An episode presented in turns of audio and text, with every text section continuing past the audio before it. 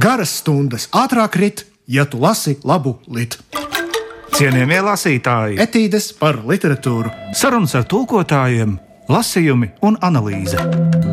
kopā ar dzinieku Tomu Trēbergu un vēl Ar rakstnieku Svenu Kusminu trešdienās ā, 15.35. ā, LR1. Cienījamie lasītāji, es ceru, ka jūs tur otrā pusē atrodaties. Jūs tur esat cienījamie lasītāji. Mēs esam. Pamājiet, bet nu, droši vien mēs to nedzirdēsim, bet uh, kaut vai tādā emocionālā līmenī mēs varētu jūs saklausīt. Runājot par emocijām, Jā, lūdzu, Tom, parunā par tām. um, šīs dienas grāmata, kura ir mūsu lasītāju rīcībā, ir Alana Holinghērsta romāns Dailes līnija, kuru tulkojusi Ingūna Beķere. Viņa ir arī mūsu šī mēneša un, nu, būtībā, jā, pēdējā laika literārā kuratore, eh, kura ieteica šo romānu kā vienu no saviem nu, tuvākajiem darbiem, un emocionalitāte tajā spēlē ļoti lielu lomu un mm, pavisam varbūt jā, mūsu raidījuma kontekstā diezgan neierastā rakursā. Mums būs ļoti interesanta šoreiz saruna ar diviem svaru kausiem. Jo tu man pirms kāda neilga laika pa telefonu stāstīji, ka šī ir grāmata, kas tevi arī ir pilnībā sevi ievilkusi, un tu neesi varējis no viņas tikt ārā. Ka, ka viņa tevi sagrāba ar visiem saviem grābekļiem. ar, ar saviem sagrābījumiem. Jā, jā. un vai nu es uz tā reklāmas viļņa kaut ko šausmīgi daudz biju sagaidījies, vai nu ko, bet um, mani viņa nesagrāba vispār necik. Okay. Jā, tā ka būtu interesanti tagad dzirdēt, uh, kā tas notika, kā viņa ievilka sevī. Jā. Un uh, kur, kur, kur, kā man pietrūka, lai sasniegtu to stāvokli? Labi.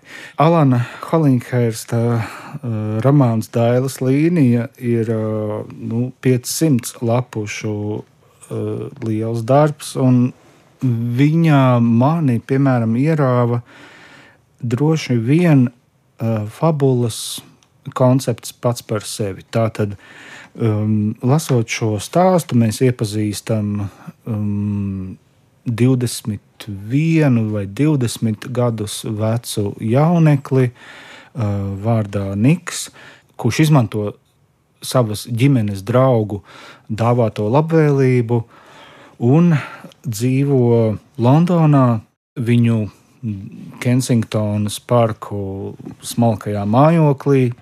Romāns ir sadalīts uh, vairākās daļās, uh, proti, tā darbības izklāsts sākas ar 1983. gadu, kad pie Britu parlamenta stūres rata ir nokļuvusi Margarita Tečere, šī jaunekļa sevis meklējumi. Galvenokārt, konkrēti mēs šajā raidījumā runāsim par eh, romāna pirmo daļu ar nosaukumu Mīlas akords. Jā. Mums lai skan. Mīlas akords mums lai skan. Šajā romāna daļā Niks cenšas noformulēt savu seksuālo nepiepildītību.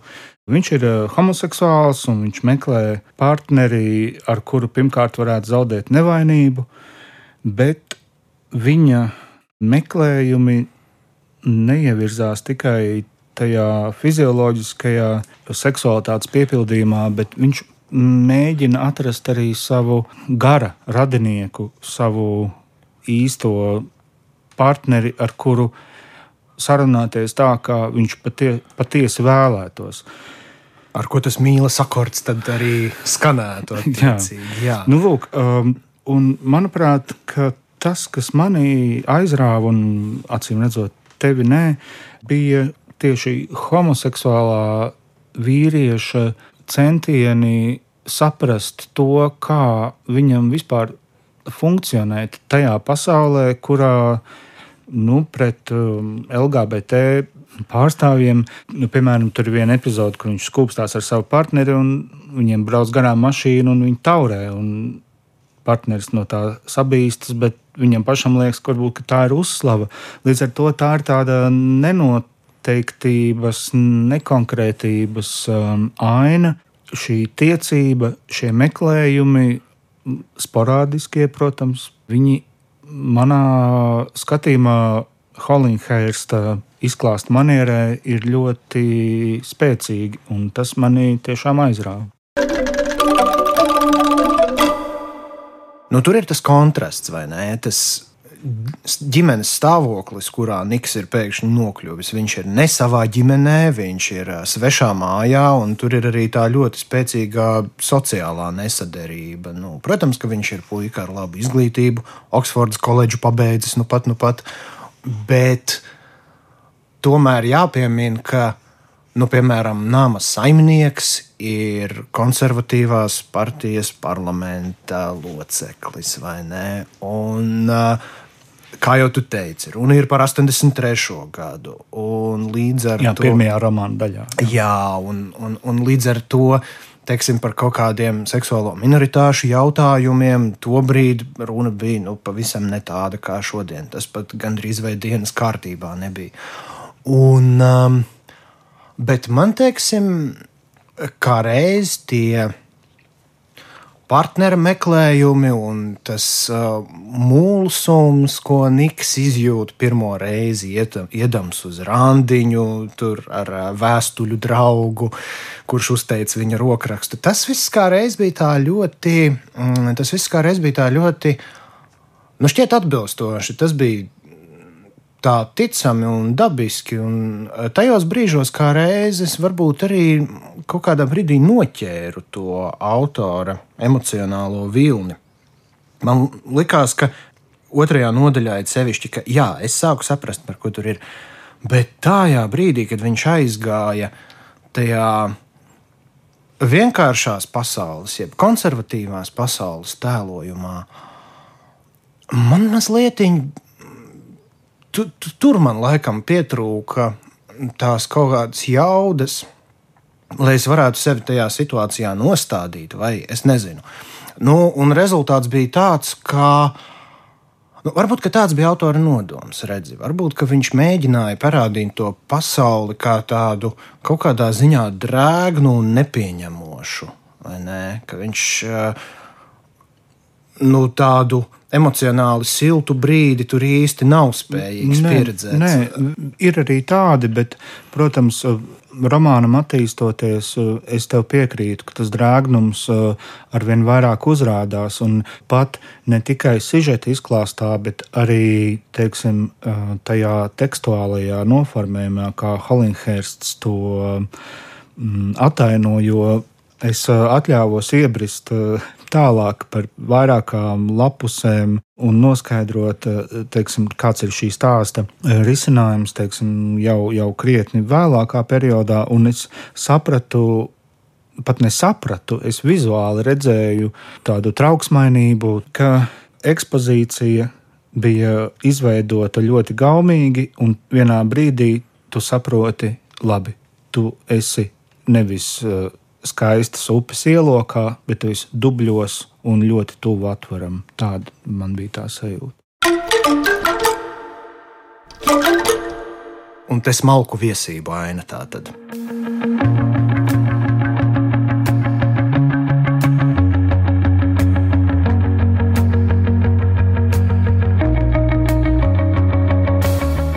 Jūs ar Tobijāsu gājāt kopā skolā?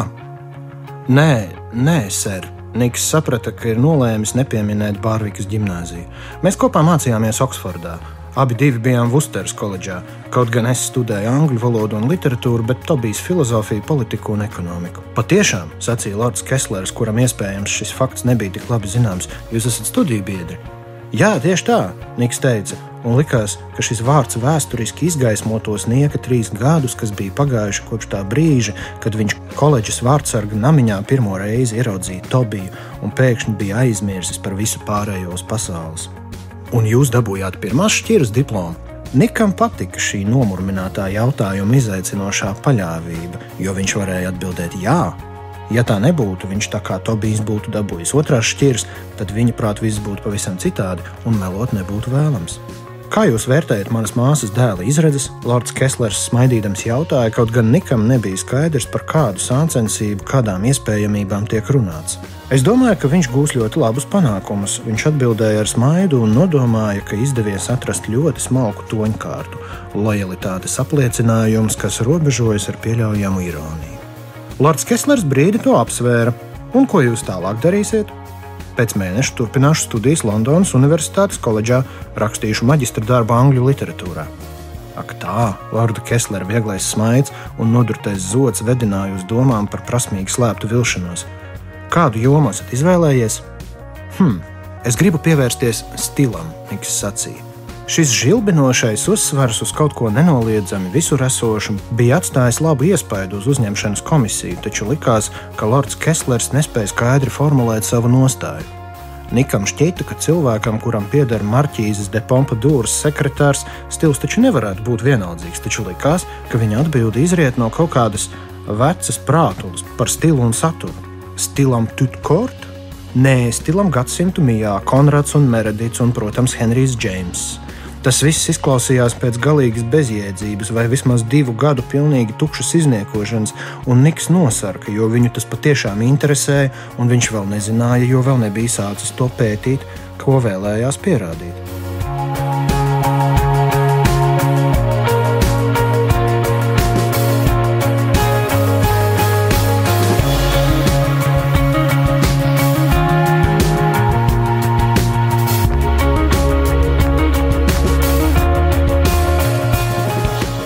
Cienījamie lasītāji, šodien mūsu uzmanības lokā ir Alana Holinghērsta romāns Dailas līnija. Šī ir viena no tām retajām reizēm, kurās es neko negribētu stāstīt par autora biogrāfiju, jo es arī apzināti to nepētīju.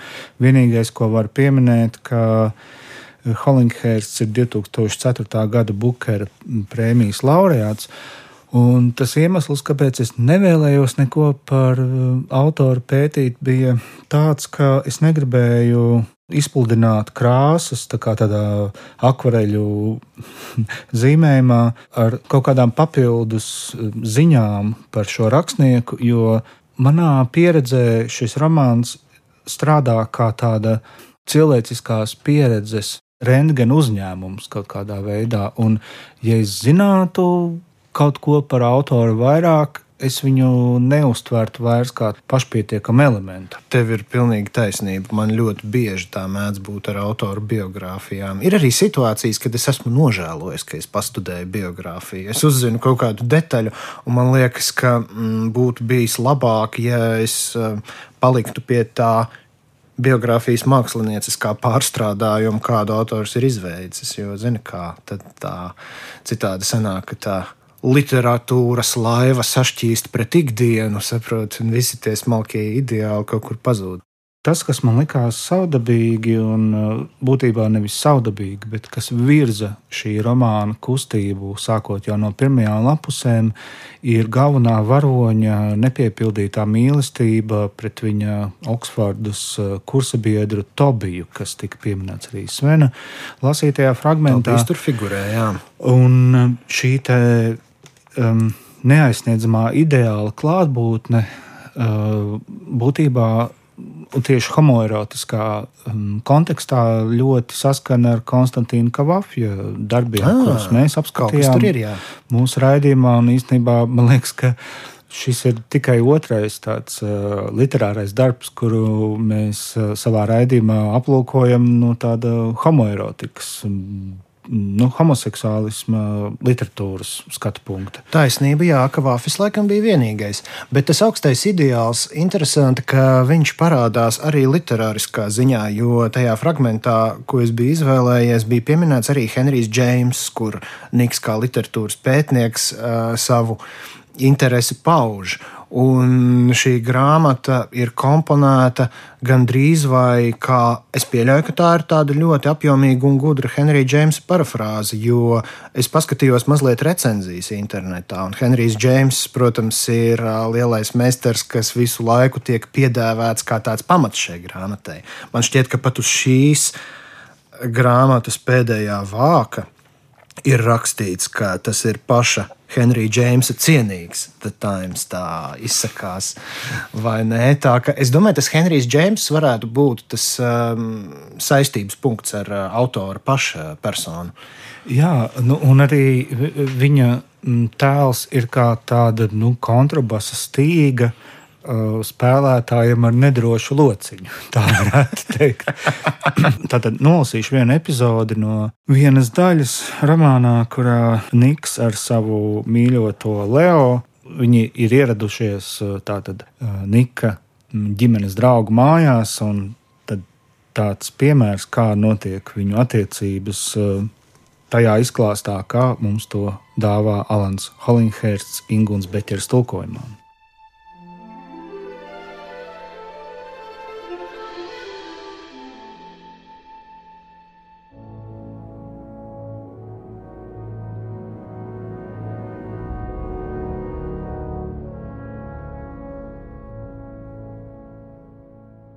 Niks sajūta, kā viņiem pieder šis nams un viss, kas tajā rāmi, bet nepiekāpīgi, jūta nama akmens kāpnes un augšu kāpjošās karnīzes, kas diezgan nesaudzīgi iestiepās ēnās.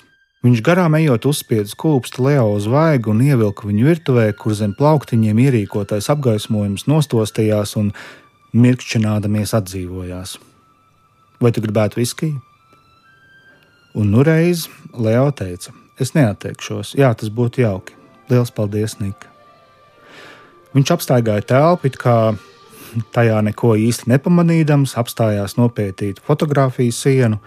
Viena no Tetlera publicētajām Tobija 21. dzimšanas dienas svinību fotografijām bija nopirkta, palielināta un ierāmēta plati smaidošu ģimenes locekļu kopiņa, kurā iekšlietu ministrs, kā šķita apzinājās, ka ir tajā nepiedarošs ienācējs. Tūlīt virs viņiem students Džeralds Frakā sarokojas ar Haraldu Makmilonu Oksfordas debašu savienībā. Leo atkal neko nekomentēja, tomēr pasniedzot viņam augsto glāzi, Niks no viņa skatiena un vieglā smaida noprata, ka viņš visu piefiksē un uzglabā. Varbūt viņš aplēs, cik liels ir šis konservatīvismu un naudas nodarītais apvainojums.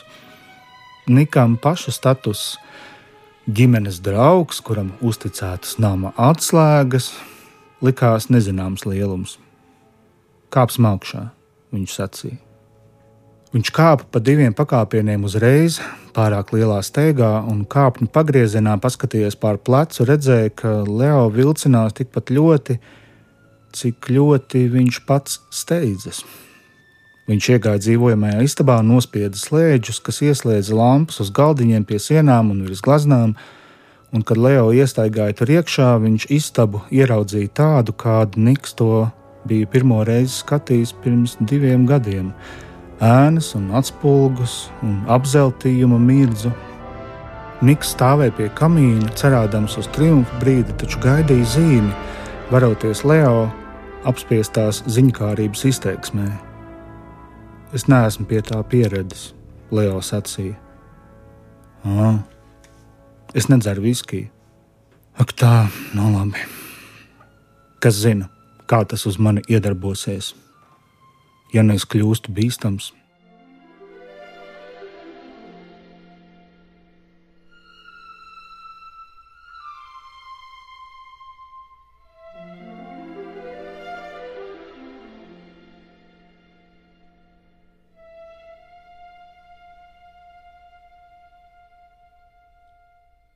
šī britu tradīcija arī kaut kādas tik ļoti strīdīgas tēmas, kā piemēram homoseksualitāte Uh, jo nu, tās ir strīdīgas. Nu, mēs, es domāju, nevajag izlikties, ka mēs dzīvojam strausa alā.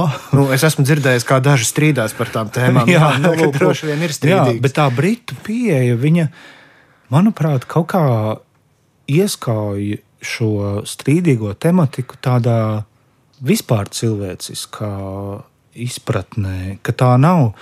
Nu, Tas nav Vēlbeks, kur tur apmēram iegāžās visu viesnīcas numuriņā, un tad uh, atkal notiek tas, ko es nevaru stāstīt, jo tiešām Jā. ir dienas laiks. Kaut gan Irvinam Vēlšam mēdz šeit iegāzties viesnīcas numuriņā. Irvinam Vēlšam un, un arī Emanuēlai ar Sānai un Jā. vēl vis, visādā veselē rindē, viss kaut kas iegāžas viesnīcas numuriņā, viss kaut kas notiek. Bet šī uh, Hallingherst piedāvā tā britu literatūras tradīcija to tiešām parāda tādā, es to nevaru nosaukt par angļu ciemata mieru, bet tā ir tāda vispār, tiešām vispār cilvēciska esamības forma. Tas nav nekas ne pervers, ne ekstravagants. Cilvēki meklē cilvēkus. Nu, un tad, kad viņi Jā. ir viena dzimuma. Kaut, kaut, kaut kas tāds bija pie Ivlina Voja, nemaldos, atgriešanās Braitshedā, kas ir man ļoti mīļa grāmata. Un, uh, Interesanti, ka tu piesauci to vēlbeku un to iegāšanos dažādos numuriņos, jo patiešām te ir kaut kāds tāds, to es novērtēju, ka te tas ir atrisināts ar tādu uh, nu, ar tādu smalkumu un nevienā brīdī nezaudējot to stāju un pašcieņu. Es domāju, ka tas lielā mērā sasaucas ar galvenā varoņa izglītību un interešu loku un visu pārējo. Jo es arī tāpat kā tu mm, skatījos arī citas daļas, lai redzētu to tēlu attīstību. Un tas, ko es redzu, ir tas, ka Šis nav viens no tiem, tur, nezinu, amerikāņu romāniem, kur parādīta sociālā lejupslīde. Nē, tas um, vispār nav par to. Jā, un um, varbūt tieši tādēļ arī Bukera prēmijas balva. Katrā ziņā šis Alans Holinghērsta romāns, um, pat ja jūs cienījamie lasītāji, uh, nesat uh, ieinteresēti tajā, kā notiek homoseksuāla cilvēku dzīve.